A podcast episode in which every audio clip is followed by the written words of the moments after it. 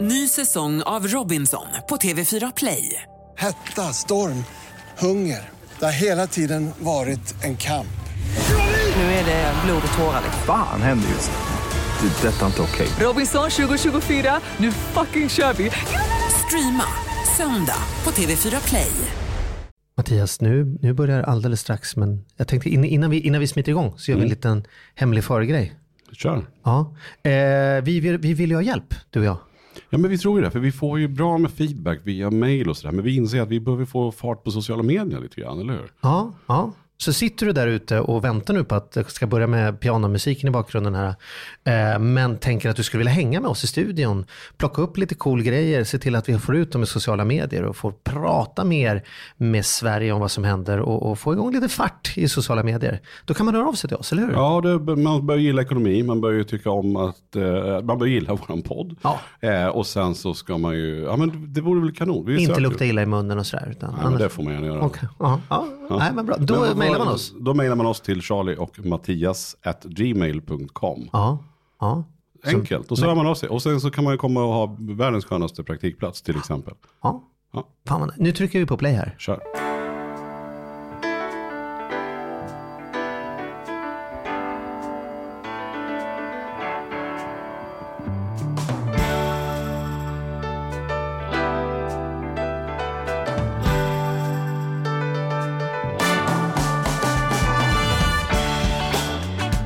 Hej och välkomna till På riktigt med Charlie och Mattias. En podcast om ekonomi på riktigt i samarbete med ICA-banken.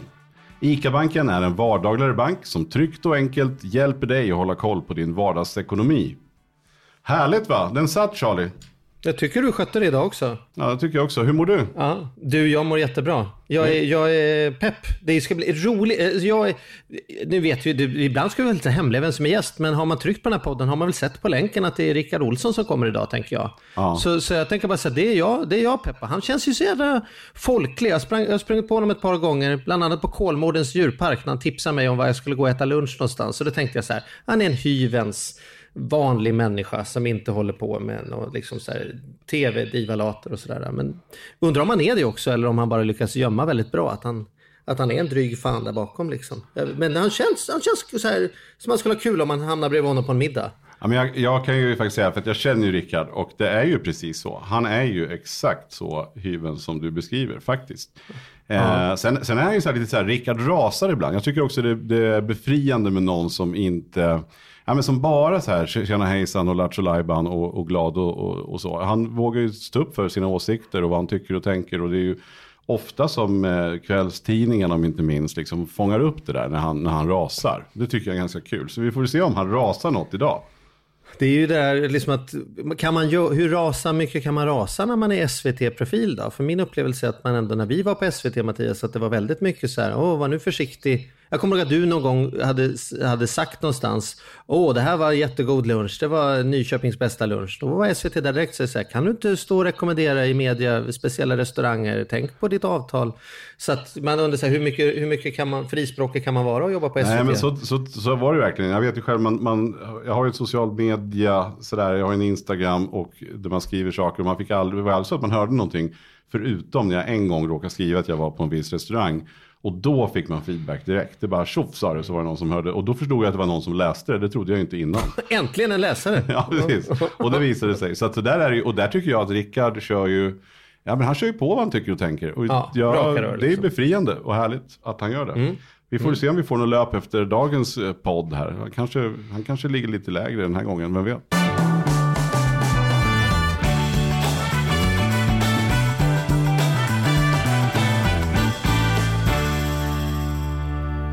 Hej Rickard, shit vad roligt att ha dig här. Äntligen är jag här. Ja, Ja. jag har ju varit på och tjatat några gånger att du ska komma. Men Ja. det har ju inte stämt riktigt. Nej, men nu stämmer det. Ja. Planeterna står rätt till och jag är här. Du säger ju det så det låter som att han inte vill vara med. Att han liksom har så här. "Åh, Nej, jag han, har- han har bedyrat varje gång att han vill och jag litar på honom helt. Men jag vet ju också att han har ett, ett grymt hektiskt schema. Särskilt när du väl är igång, eller hur? Mm, ja, men det, det är väl det att jag, jag bor borta så pass mycket och när jag är inne i de här Vem vet mest-bubblorna då, då stänger jag av allt mer eller mindre. Eh, och, Men kan du inte beskriva Rickard, så vi får en känsla för hur ser liksom en, en, så här, ja det finns ju några olika faser då, men de som inte känner dig privat, hur ser det livet ut liksom? Vad gör du egentligen? Liksom? Ja, det skulle inte jag ens kunna förklara för min dotter om jag ska vara helt ärlig. Nej, men jag, har, jag gör ju 85 Vem vet mest per säsong i snitt. Och det är ju väldigt, väldigt många program. Eh, och då när man gör, eh, då gör jag en vecka på en dag. Så jag gör fem program på en dag. Och eh, jag har ju gjort Bingolotto förut och då var det eh, såna uppesittarkvällar som kunde vara tre timmars direktsändning. Efter en sån här Vem vet mest-dag så är man lika trött som efter en eh, Bingolotto uppesittarkväll. Eh, och då är det bara att gå tillbaka till hotellrummet och lägga sig i fosterställning och bara samla kraft till, till nästa dag. Och så gör man det tre dagar på raken och då har man bunkrat in 15 program. Men så varför man så. blir man så trött då? För jag känner igen exakt detta från när vi gjorde Lyxfällan. Det var ju liksom, vi gjorde ett program på en vecka, men jag kan inte förklara för folk så här, men du vet, ring mig när du är färdig ikväll. Jag säger, nej, jag kommer vara helt slut. Jag kommer, inte, jag kommer knappt vara med skorna när jag kommer upp på hotellrummet. Och då har jag inte vänt några liksom, sjuka människor i sjuksängar, jag har inte lagt någon asfalt, jag har bara stått och pratat när folk har filmat. Men Mm. var, var, har du någon tes om varför man blir så fruktansvärt dränerad liksom? Ja, men man blir trött på ett annat sätt. Jag har också haft många andra jobb, sjukgymnastbiträde och, dela- och, och lärarvikarie och kaffepaketerare och allt möjligt så här. Eh, och det är klart, då är man trött när man kommer hem från jobbet. Men här blir man hjärntrött på ett annat sätt. För hjärnan har stått på högvarv en hel dag. Eh, och verkligen, det har bara kn- knastrat i kolan helt enkelt. Men, men du, och, och, precis, men, men då gör du Vem vet mest? Men sen gör du ett antal andra tv-projekt också. Lite, men det är lite stötvis under året. Eh, Så att du har också en hel del ledig tid när du väl är ledig, kan man anta. Ja, fast jag, jag, jag är sådär, eh, jag vet det är många i min bransch som brukar säga nej till saker men jag är ju sån arbetarkille i grunden. Eh, Så jag tror att telefonen kommer att sluta ringa när som helst. Så jag säger ja till i princip allt, ska jag säga. Och sen gör jag mycket företagsjobb också eh, på sidan om. Och eh, jag kan tycka, många som håller på med program, de tycker att det är lite så här, att man säljer sig själv när man är ute i företagssvängen och så här. Jag tycker i princip tvärtom. Jag tycker att jag lär mig så otroligt mycket när jag gör åt, jag lä- lär mig åt läkemedel, av läkemedelsindustrin när jag gör åt Apoteket Kronan. Eh, jag gjorde ett för, företagsjobb åt Rusta här nu. Coolaste företaget jag någonsin har jobbat åt. Eh, ja, men de har sån jädra koll på grejerna och det är så, he, alla medarbetare är engagerade i framgångssagan. Liksom. Vad är det konstigaste företagskriget du har haft som du tänker så här, hur hamnar jag här?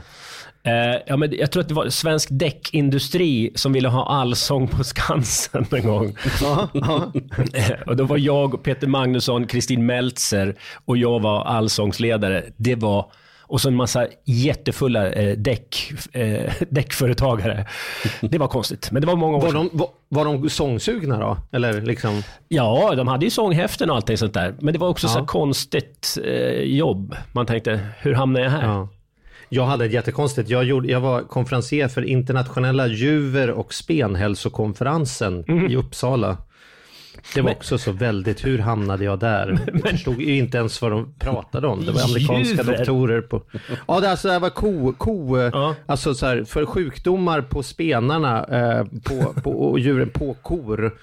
Eh, så det var massor med mjölkbonds, alltså så här, jag har minnesluckor. Jag bara vet att jag Ja. läste på i, i dagar om liksom förkortningar på olika koraser och eh, foderblandningar. Och, Men jag gjorde, jag gjorde chark-SM nu i höstas också. Det var lite oväntat.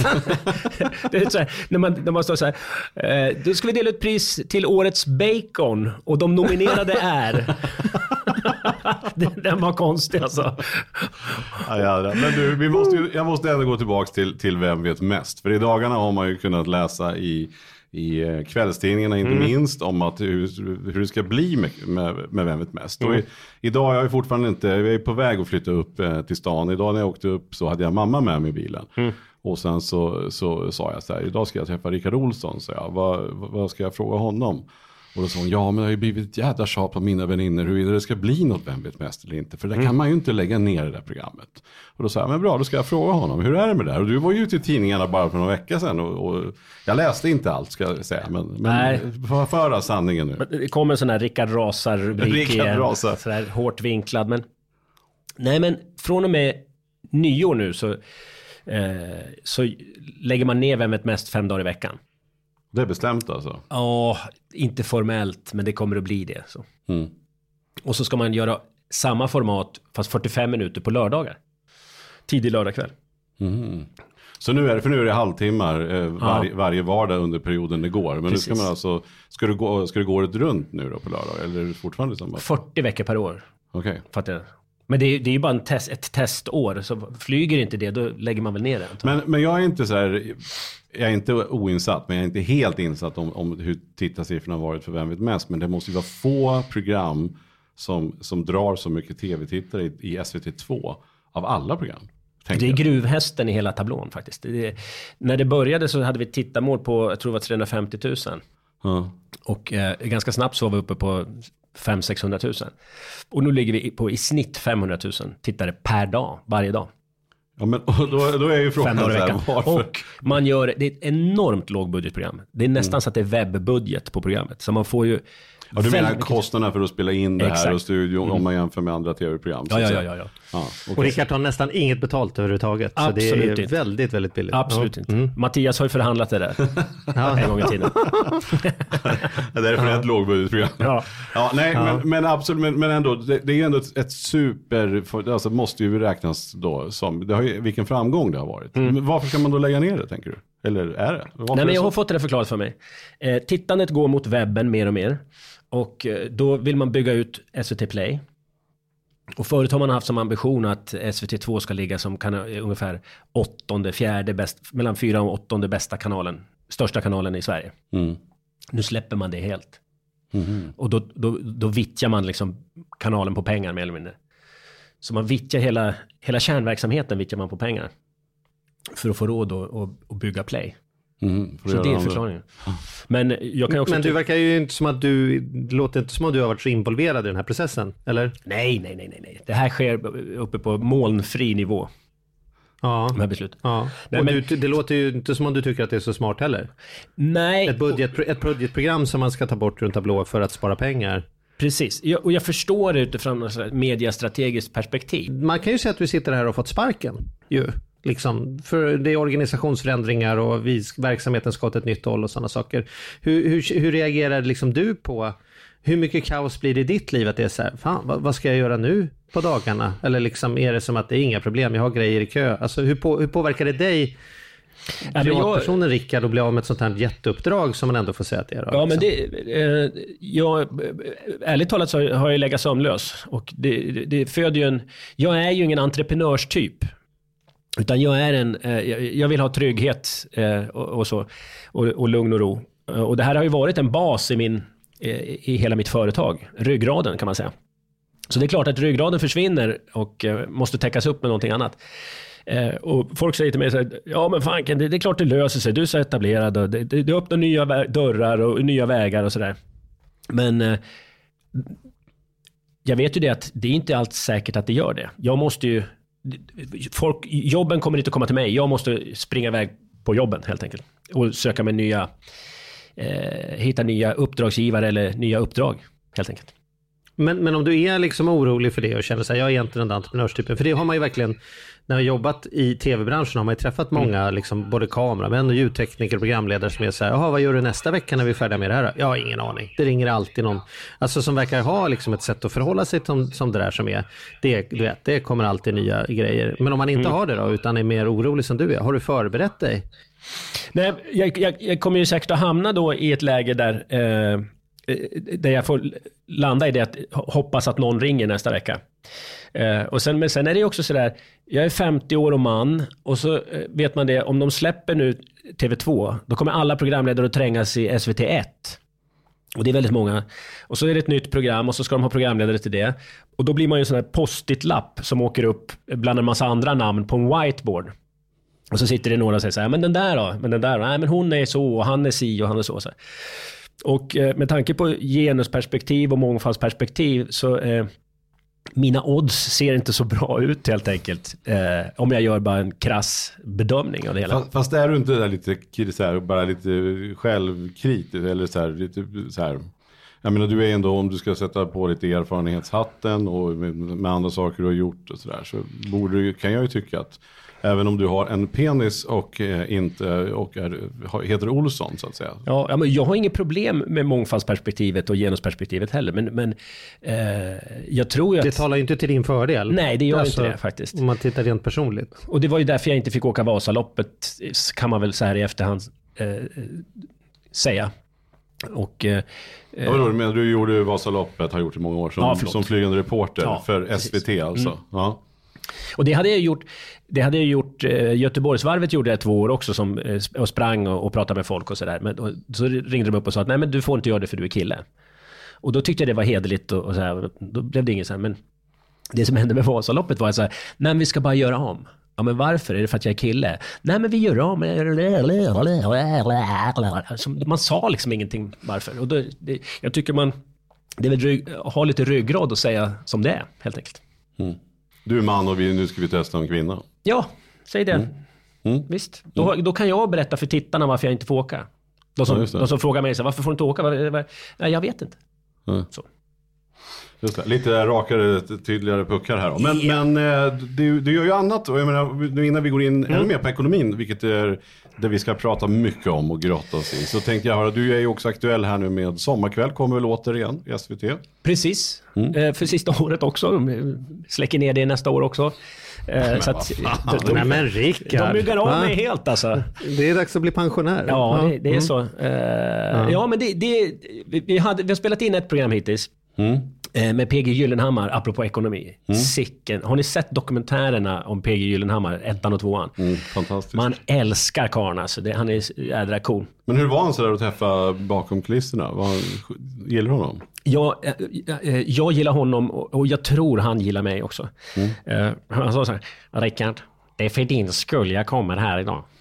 Så, och så vill han, för han, hoppa, han hoppade av dagen innan. Han kanske kollar på Vem vet mest? eh, Ja, men jag dagarna. tror det. Ja. För, för, för några år sedan så, träffade, så satt jag och pratade i telefon på Landvetter, Landvetters flygplats. Och så sa jag, ja men hej då, jag kommer hem snart, så puss puss, och så la jag på. Och då vände sig en man om, som är framför mig så här, och så säger han så här, tjenare Rickard. Då var det PG. Så han hade liksom, och det, jag, man blir ju ödmjuk som tusan såklart. Eh, men sen så två dagar innan inspelningen här nu av Sommarkväll, då det, det, det är kaos, det är kaos. Eh, PG ska hoppa av. Och han var liksom navet i programmet. Ja, men han säger att han inte fått några uppgifter och tågbiljetter och strul och han tycker det är dåligt upplägg och så. Och så har han inte fått prata med programledaren eller någonting sådär. Och då tänkte jag, mm, det kanske är det som, det kanske är där skon klämmer. Att eh, vdn vill prata med programledaren. Liksom så. Ja. Så då ringde jag upp och så, och så sa jag, men offentligheten behöver höra din röst om läget i världen just nu. Och så, oh, jag ringer upp om ett år och ger mig någon timme. Så ringde jag upp och sa, ja, okej, jag kommer. Ja, roligt. Ja, det var häftigt. Och när sänds första? Sen är han ju, när han, när han är med så är han ju fruktansvärt briljant. Både rolig och intressant. Alltså. Ja. När, när vet du när det första sänds? Eh, slutet på juli. Ja. Och sen så går Men det Rickard, liksom... det, jag, jag vill inte lägga mig här, men jag tycker här är ju din chans. Han är ju uppenbarligen en man crush på dig och du börjar närma dig arbetslösheten. Ja. Jag tycker du ska ringa upp honom igen och säga PG, vad kan vi göra ihop? Nu har jag lite tid över. Charlie, tror Kanske du inte tanken har slagit mig? Jo, jo. Jag har redan skickat ett sms. ja, ja. Vi ska ta en lunch och dricka Sancerre utan kameror. Ja, Okej, ja men vad bra. Men då kanske hittar lösningen där. Ja.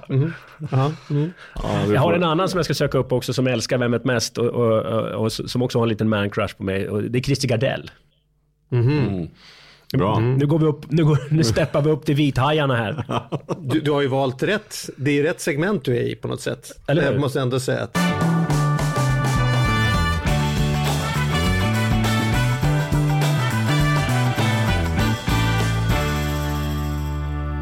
Men i övrigt då, eh, Rickard, hur, hur, är- vad är din, hur är din relation till pengar? Man ser ju ofta, jag följer dig i sociala medier, Ja. vi, känner, vi känner ju också varandra lite grann. Men, men eh, jag tänker ändå sådär, du, du är en livsnjutare känner, jag. Liksom. Och du gillar ju prylar ganska mycket. Det är ju Mm. mycket betyder- konstiga grillar man ser och ångesmokers. är det inte det som är grejen? Pryl?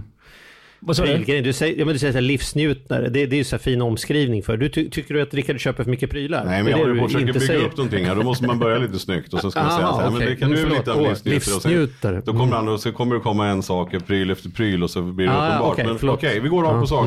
Du, har, du gillar ju fan prylar Rickard. Du vet, menar du att jag är en pryltokig? vulgärmaterialist? Ja, bra. Jag kan säga det. Vulgärmaterialist. Vulgär, ja. Eh, ja, det gör jag ju faktiskt. Det finns vissa grejer som jag gillar mer. Eh, vattenprylar och vattenleksaker har en speciell fil i plånboken. Och sen eh, gitarr. Men vad är det? Vad är det? det nu pratar du inte om så här super soakers, antar jag? Sådana här Nej. vattenpistoler, utan du vattenpistoler. pratar om dyrare Vi vattenleksaker. pratar vattenskoter, vi pratar havskajaker, vi pratar SUP, sån här stand-up paddleboard. Och vi pratar en ribbåt och vi pratar en aluminiumbåt. Och sen en massa såna här eh, vattenleksaker som vattenskidor och bojar och, och, och så här ringar och grejer också. Ja, så det har du. Och sen har jag fem grillar, eh, varav eh, den värsta är Kamado-grillen, den här lergrillen som man gör som barbecue så att det är helt galet. 22 timmars pulled pork. Hör jag en inbjudan till sommaren? Ja, ja, ja. ja tack. Det är klart du får komma. eh, men, och det är som med köttet när du får sån här bark på, som smakar rök. Rökbark. Eh, så det är väl de grejerna. Och sen, eh, alltså, och så sen gitarrer också har jag en fäbless för. Eh, och, men nu har, jag, nu, nu har jag köpt min sista gitarr tror jag. Det, det, går- det går inte med något mer. Och vad, vad är det för något? Ja, då, köp, då var det en gitarrbas, sex strängar som jag hittade. Jag, hade, jag trodde jag hade köpt min sista när jag köpte förra. Men så hittade jag en, en jädra rackarns fin alltså. som, en Squire va, en gammal bas. eh, Fast eh, med sex strängar som jag, ja då slog, köpte jag den. Men Faktiskt. då tänker jag så här, i dina unga år, var du så här som han trubaduren Mats som Uggla skriver om? Att du var liksom bara ditt sätt att fånga brudar? Att du satt, du kom glidandes in med din vattenskoter, mm. gitarren på ryggen och sen var det kört för alla andra. Två tända och en flaska rött. och en akustisk gitarr. Stairway Ja, to heaven. Och vatten i blick. Ja. Nej, det har jag faktiskt aldrig varit. Jag, jag, jag, jag spelar gitarr, men jag kan liksom inga låtar. Och sen sjunger jag för jädra illa. Okej. Ja, så att, eh, jag sjunger när jag är själv hemma. Eh, och, och, och då kan jag spela. Och då, då kan jag också känna så här, fan vad bra. Mm. Och så spelar jag in det. Och så lyssnar jag och så bara, Åh, nej. nej, Ja, precis. nej, Mm. nej. Det är lite grann som jag, jag har en kompis som är 50 år. Eh, han spelar korpfotboll. Och så tog han ner en boll på bröstet, la den på fötterna och så drog han en kille och så sköt han upp den i näta, nättaket och han bara kände så här, jag är Ronaldo. Och så var det någon som hade filmat det där. Och så tittade han på filmen och bara, nej. Han skulle aldrig titta på filmen. Så hans känsla stämde inte alls överens med verkligheten. Men, när du, men när du Det sitter är vid därför, man, det är därför man inte filmar när man har sex, för man tänker så här att det kommer inte se lika bra ut efteråt. Dra inte in det mig i dina-. Dra Ja, in mig ditt det. Sexliv alltså. Nej, ah, okej, nej jag ska inte, okej du kanske gör det. Ja, vi släpper det. Mm. Ja, vi släpper det. Men, men du undrar dig, det är uppenbarligen. Alltså det är grejer, även om du Mm. strunt i vilka prylar och mycket och sådär, självklart. Va? Men, men du undrar dig, du, du, eh, du tar dig råd. det, det vet du? Säger jag nu Ja, det återigen här. vet, och det vet försöker- jag. Ja. Eh, nej men jag är ju Nu, också... håller jag käk, nu håller jag käften när du kör med klyschorna Mattias, så får vi bara se vart du är på väg. Ja, tänker jag. gör det. Så jag, kanske jag låter dig får komma försöka följa här. mitt spår ut. Ja, Ja. ja. jag bara hänger på. Nej, men, men du gillar att undra dig? Ja, det gör jag. Eh, och jag är ju en, eh, li- liksom något av en drömmare också. Sådär. Eh, när jag står, och, och, och jag står där på, på balkongen och så tänker jag det där ska man göra och det där skulle jag ha en sån där. Och, da, da, da. Eh, och då, då, då ställer jag mig i position för att möta det helt enkelt. För att eh, eh skapa, för förverkliga drömmen kan man säga. Mm.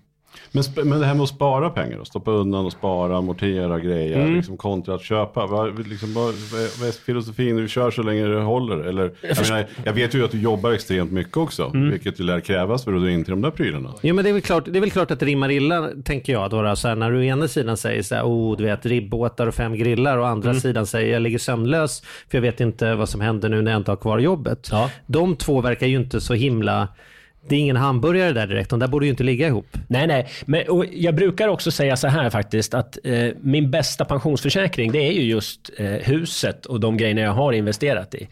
Men redan så, jag kommer ihåg, jag var med i någon, i någon bok eh, för, ja det var nog 20 år sedan, om, eh, om drömmar och framtid. Då må, fick jag måla upp vad jag skulle vilja ha, liksom, så här, vad, vad, jag, vad jag siktade mot. Och då var det hus vid vattnet och en bastu. Liksom. Eh, och då, såg jag framför mig någon liten insjö sådär. Eh, men nu, nu har jag gjort det. Och redan för 20 år sedan så, så ville jag ha det, så att säga.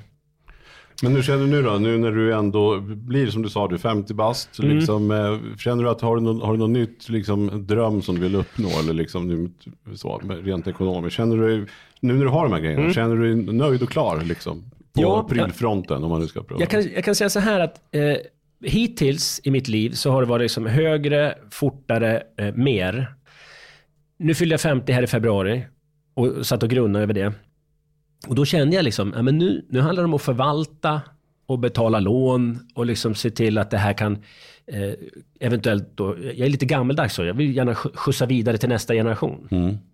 Utan att, eh, att eh, min dotter eventuellt ska behöva sälja. Och, för hon vill gärna bo kvar där. Hon är född där och, och uppvuxen där.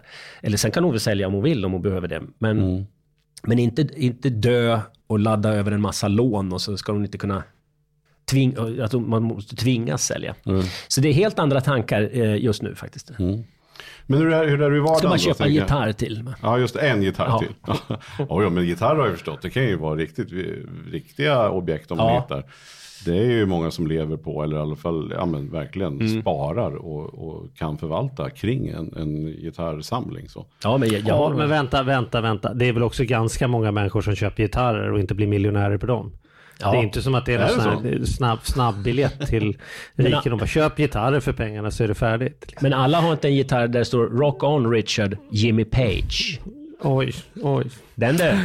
Nej, det, fan. Han har inte köpt sin Ja, sista gitarr. du, du, var, du var programledare någonstans. Var det när, var det när Polarpriset. Polarpriset, ja.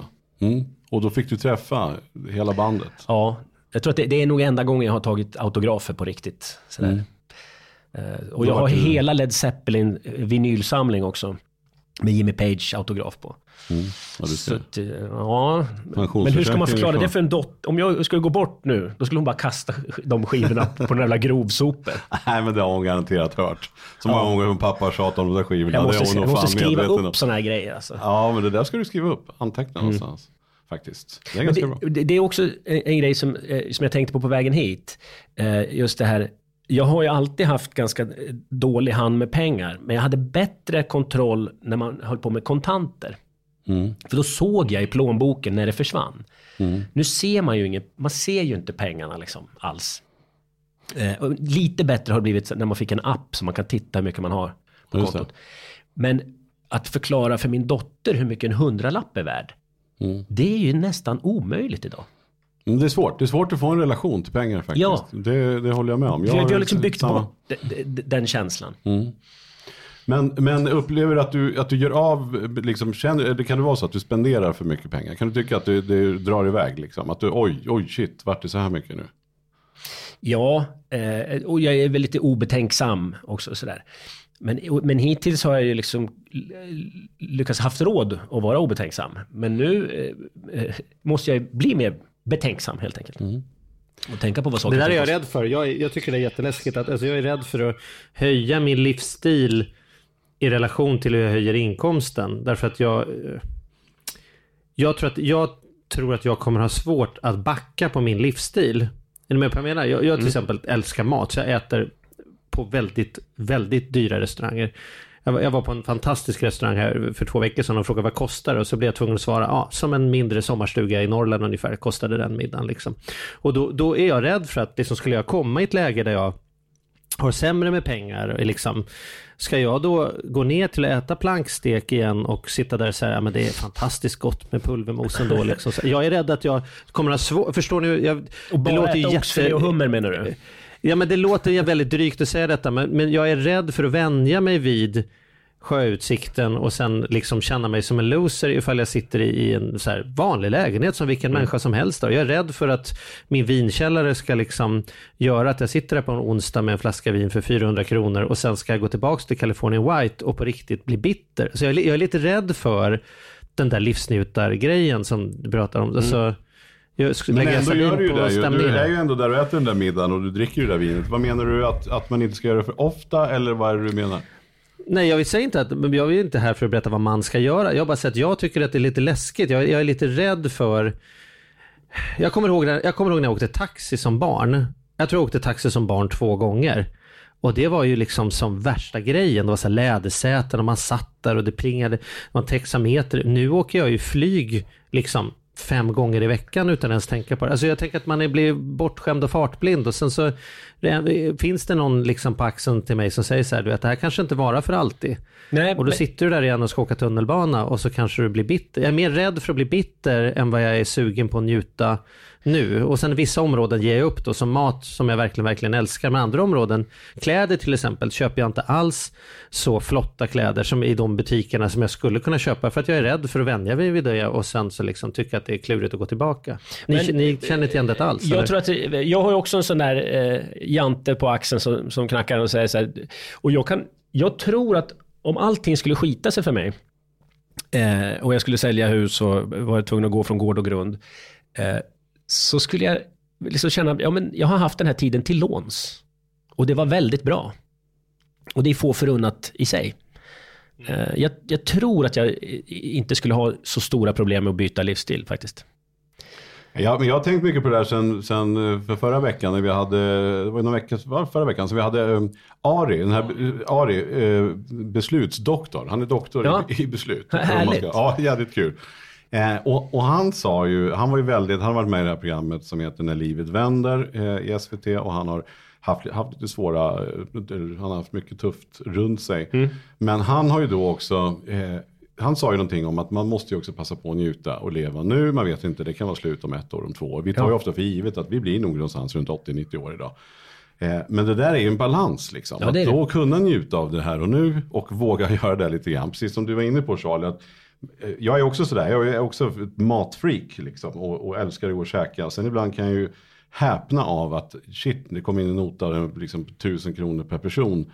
Medan jag sen å andra sidan kan sitta och snåla när jag ska välja val av tv-paket nu när jag flyttat till exempel. Fan, det är hundra spänn mer i månaden, det känns ju lite onödigt. Eller snuset, jag tror vi har varit inne på det här tidigare. Liksom. Men, men man kan då liksom bränna av på en restaurang eller köpa snus. Samtidigt som ju, jaha, om två år, vad, om det skulle hända någonting. Fan, man, Precis. Ja, det är en balansakt. Men jag tycker det är svårt det där. Man är ju inte helt rationell i alla, alla beslut, utan man är ju känslostyrd också. Mm, precis. Så att eh, om, eh, om maten är viktig, då vill man ha den. Och sen tv-paketet, ja då sitter du och gnider på de pengarna Mm. helt enkelt. Men skulle man ösa med det här matpaketet eller gå och käka som Charlie gjorde för någon vecka sedan. Mm. Eh, ofta så skulle man ju inte, ja då skulle det vara en ganska kort tid man kunde göra det. Ja. Sen var ju det slut.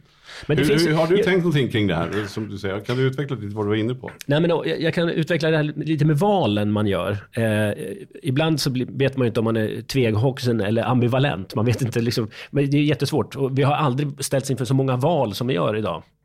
Det finns ju någon Jag älskar att du, jag älskar att du, att du är till och med tvehågsen till huruvida du är tvehågsen. Exakt. Så jävla, då är man tvehågsen. Tvehågsen ja. eller ambivalent, vilket är jag? Ja, Ja, det- ja, precis.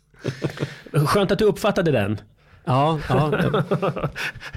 Men det finns ju till och med något som heter kvantångest idag. De oändliga valens ångest. Och, eh, I början av min karriär så hade jag en jättebra chef som hette Per Andersson på lokalradion i Gävle. Och då stod jag i någon slags karriärvägval för jag var inlasad då på Radio Gävleborg. Vilket var, då man, hade man ju liksom en, en säker plats och hade varit kvar där och fått fast anställning. Eller skulle jag åka till Stockholm och bara chansa på ett... Bara, sätta allt på ett kort. Eh, och så gick jag in till honom, för han var en erfaren man, och så ville jag ha råd. Får förklara upplägget för honom. Och så säger han så här, Rickard, det finns två måsten i livet. Man måste välja och man måste dö. Det var hårt för, Den var hård. den för blev- en 23-åring. och bara, "Va? Sluta, lägg av. Då, då backar man långsamt ut i rummet igen och säger eh, okej, tack för hjälpen. Ja, nej, men fast det är ju så också. Ju Mm. mer man tänker på det där. Eh, du måste välja du måste dö. Om du väljer att ta den där eh, middagen som kostar lika mycket som ett mindre hus i Norrlands inland. Visst. Men jag vet ju också att du är otroligt rationell när det gäller andra saker. I alla fall på den föreläsning jag hörde för tio år sedan, om du inte har ändrat dig, Charlie. Mm.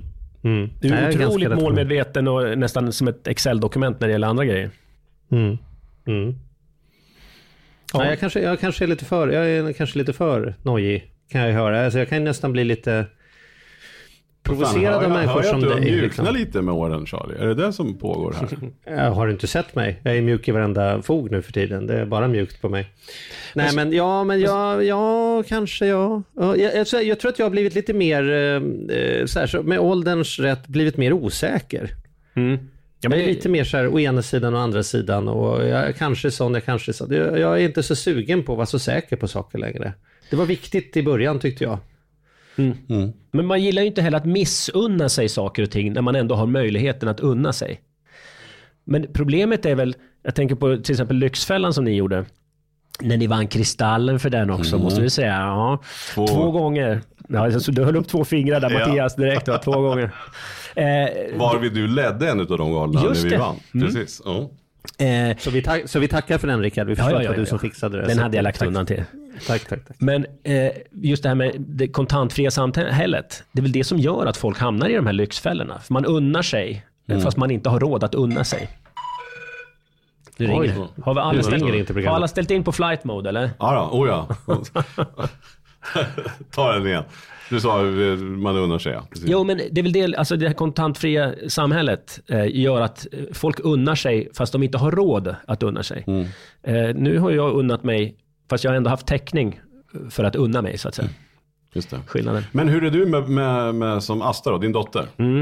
Eh, hur, hur är du med pengar och henne? V- Vad, Ja, Hon är 14 år Mm. och vi umgås mest på Swish nu för tiden. Via Swish. Eh, men det är inte så stora summor som liksom så här. Jag kan, eh, jo, ibland så snålar jag med flit. Eh, om hon ska ha någon mat eller så, ja, då får hon 80 spänn på Swish. Och Mm. så får man ett sms. Tack, tack, tack, du är världens bästa pappa, pappa. Så. Mm. Så hjärta, hjärta. Men hjärta. tänker du på att du inte ska skämma bort henne? Eller tänker du på att nu ska jag hålla igen? Som det här när du säger att nu skickar du bara 80 istället för att dra upp Ja. det till en hundring. Eller försöker du hitta någon slags balans där? Hon får fickpengar när hon behöver. Jag har inte någon sån här eh, veckopeng. Eh, hon fick sitt barnbidrag ganska tidigt från när hon var 13 år. Mm. Men det försvinner ganska fort. Eh, men hon, däremot så köper hon ju eh, väldigt mycket egna kläder. Eh, underkläder och collegetröjor och, och, och sådär. Så att, eh, men sen skämmer jag bort henne. Hon, hon, det är inte alla 14 år som har en liten ribbåt. Mm. Men det är, det är inte hen- ja, vi säger att det är hennes. Mm. Men det är, det är inte hon som... Men, men har du också så här, ni är ju ändå också, eh, Astas mamma och du är ju separerade Mm. så många år. Men blir det, kan du känna just det här med ekonomin att, eller om du har varit och jobbat mycket, att ja, men nu ska vi kompensera det här med att sticka till eller då, då swishar vi lite extra. Eller, eller eh, har det varit svårt med familjeekonomin rent eh, krasst? sådär? Eh, no, nej, det skulle jag nog inte säga.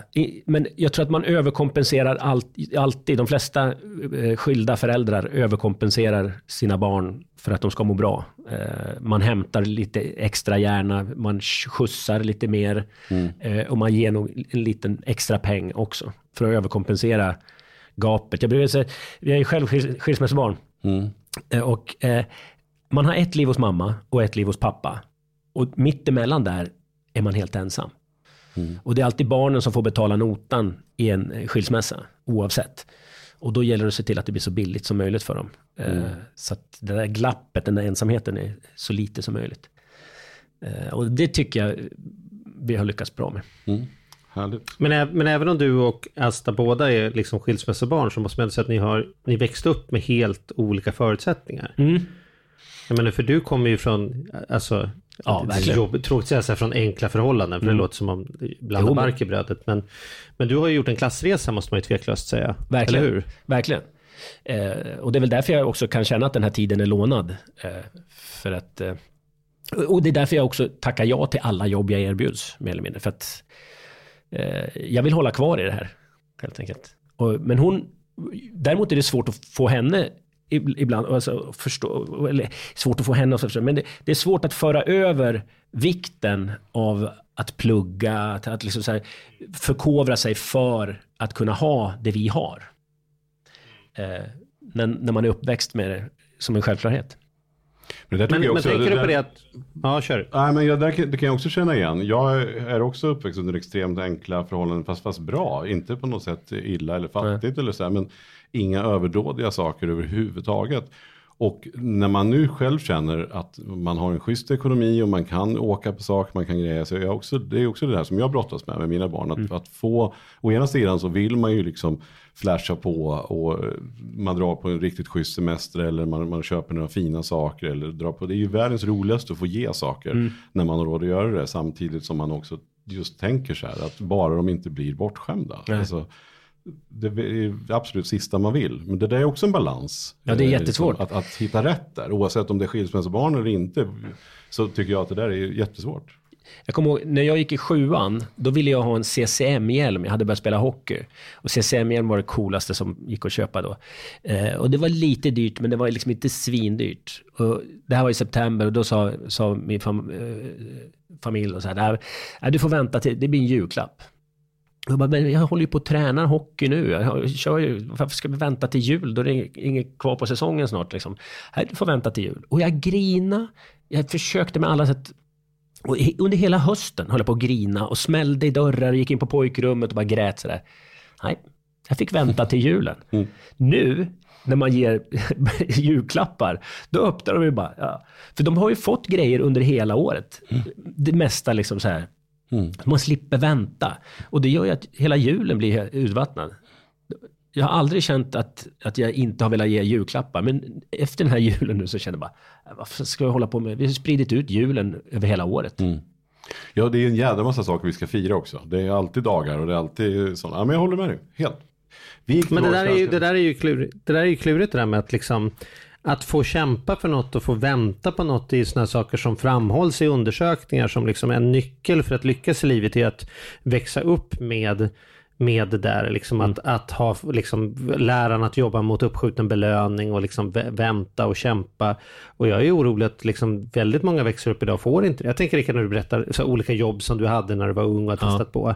Kommer hon göra det? Kommer, kommer hon ta den typen av jobb eller kommer hon säga så här, nej det där är för fan ingenting mig, för mig. Det är bättre jag får pengar av pappa och sen kan jag åka på semester istället. Alltså så här, eh, och, och kommer hon då bli lyckligare av de pengarna? Eller kanske tvärtom, att hon kommer inte njuta av det där huset för hon har inte bott på det sättet som skulle vara normalt. Alltså, sånt, sånt, det är sånt där som kan äta mig på nätterna. Liksom.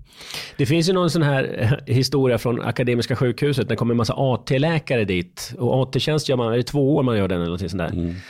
Och så hade chefsöverläkaren en, en genomgång med vad, vad sjukhuset förväntade sig av dem. Och så sa han, ja, och en dag i veckan, då jobbar ni natt. Då kliver ni på klockan nio på kvällen och så kliver ni av klockan sju på morgonen. Då är det en kille som räcker upp handen och säger, ja vad är det? Det där får ni sköta själva. Va? Ja, jag tänker inte jobba natt, alltså. det, det kan ni glömma. Det är så här, otroligt liksom. Ja. Men 80-talisterna som har gått en hel läkarlinje utan att förstå att man, ska, man kanske ska hjälpa folk även på nätterna. De behöver hjälp också. Det finns ju många nu som har sådana här personaluthyrningsföretag eller sådana här, så här telefonförsäljare där de som har en tjänst att försöka anställa människor och en tjänst att ringa runt till dem på morgonen och väcka dem och försöka få dem att komma dit. Därför att det växer upp generationer som aldrig varit utan. De ser jobbet som en rättighet och sen säger de, nej men jag kom inte in idag. Nej, varför var du inte här? Du hade ju arbetstid. Nej men jag var lite traumatiserad och sjuk för att mina föräldrar hade haft en vattenskada hemma i badrummet. Eh, vänta nu, är du inte på jobbet för att dina föräldrar har en vattenskada? Det är liksom det är ju läskigt va? Ja. Om det är de som ska ta över. Det är de som ska köra nästa nivå av liksom, vem vet mest? När du blir utslängd Rickard. Liksom. Ja, precis. Ja, det är...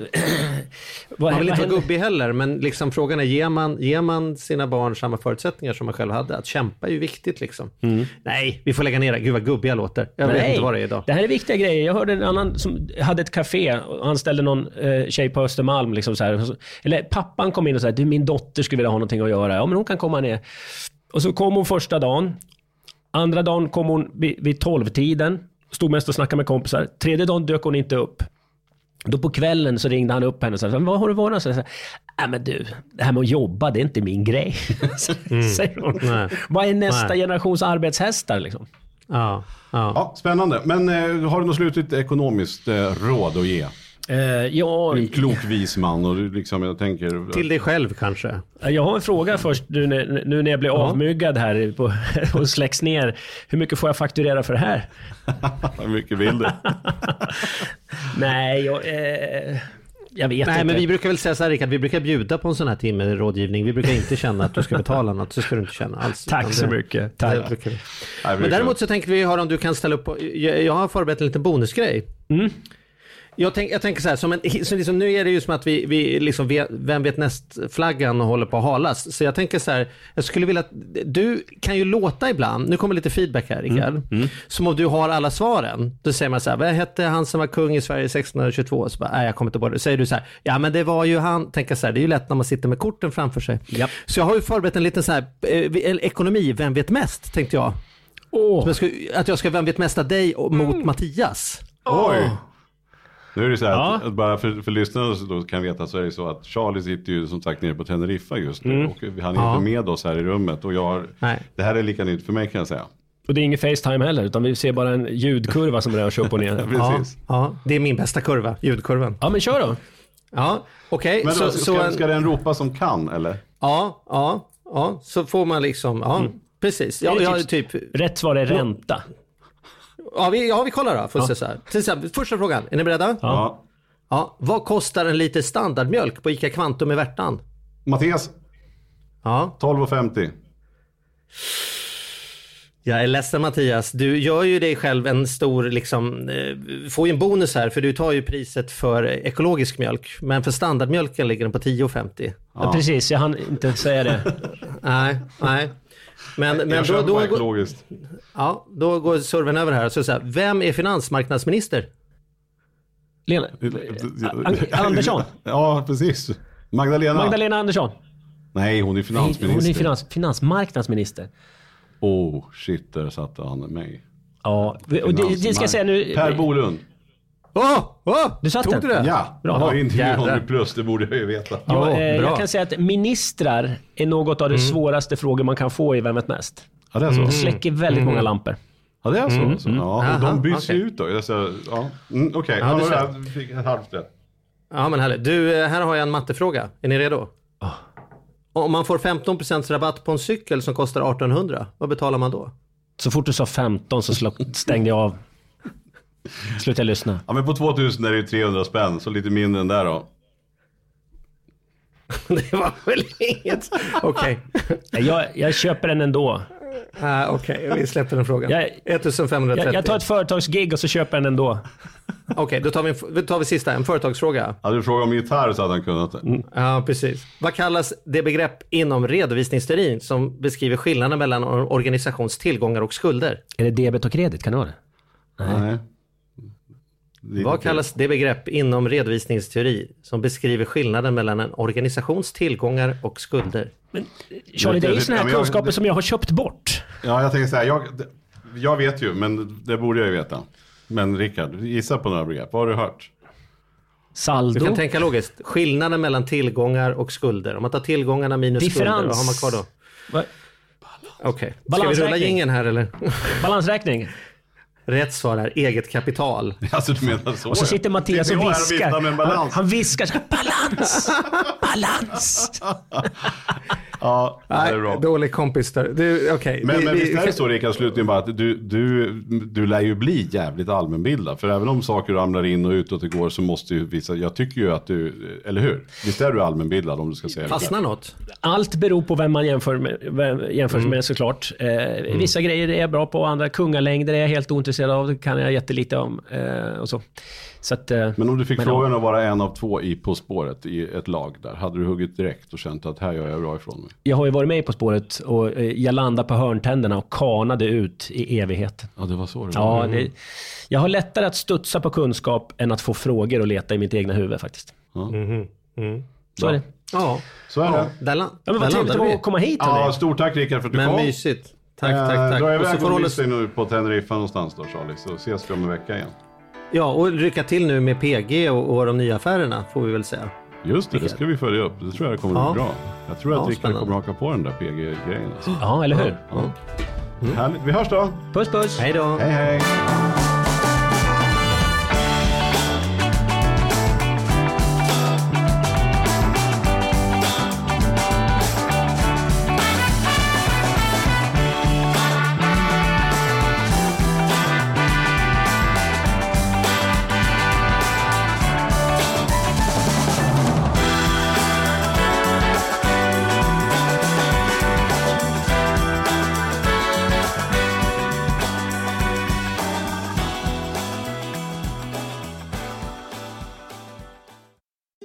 Sälja bilen? För dåligt betalt av din traditionella bilhandlare? Växjö Bilförmedling hjälper dig. Vi börjar med en kostnadsfri värdering. Tänk vad skönt att slippa tvättning, fotografering och ta hand om alla tänkbara och otänkbara köpare. Se vår instruktionsfilm på Facebook om hur det fungerar och anlita oss. Växjö Bilförmedling.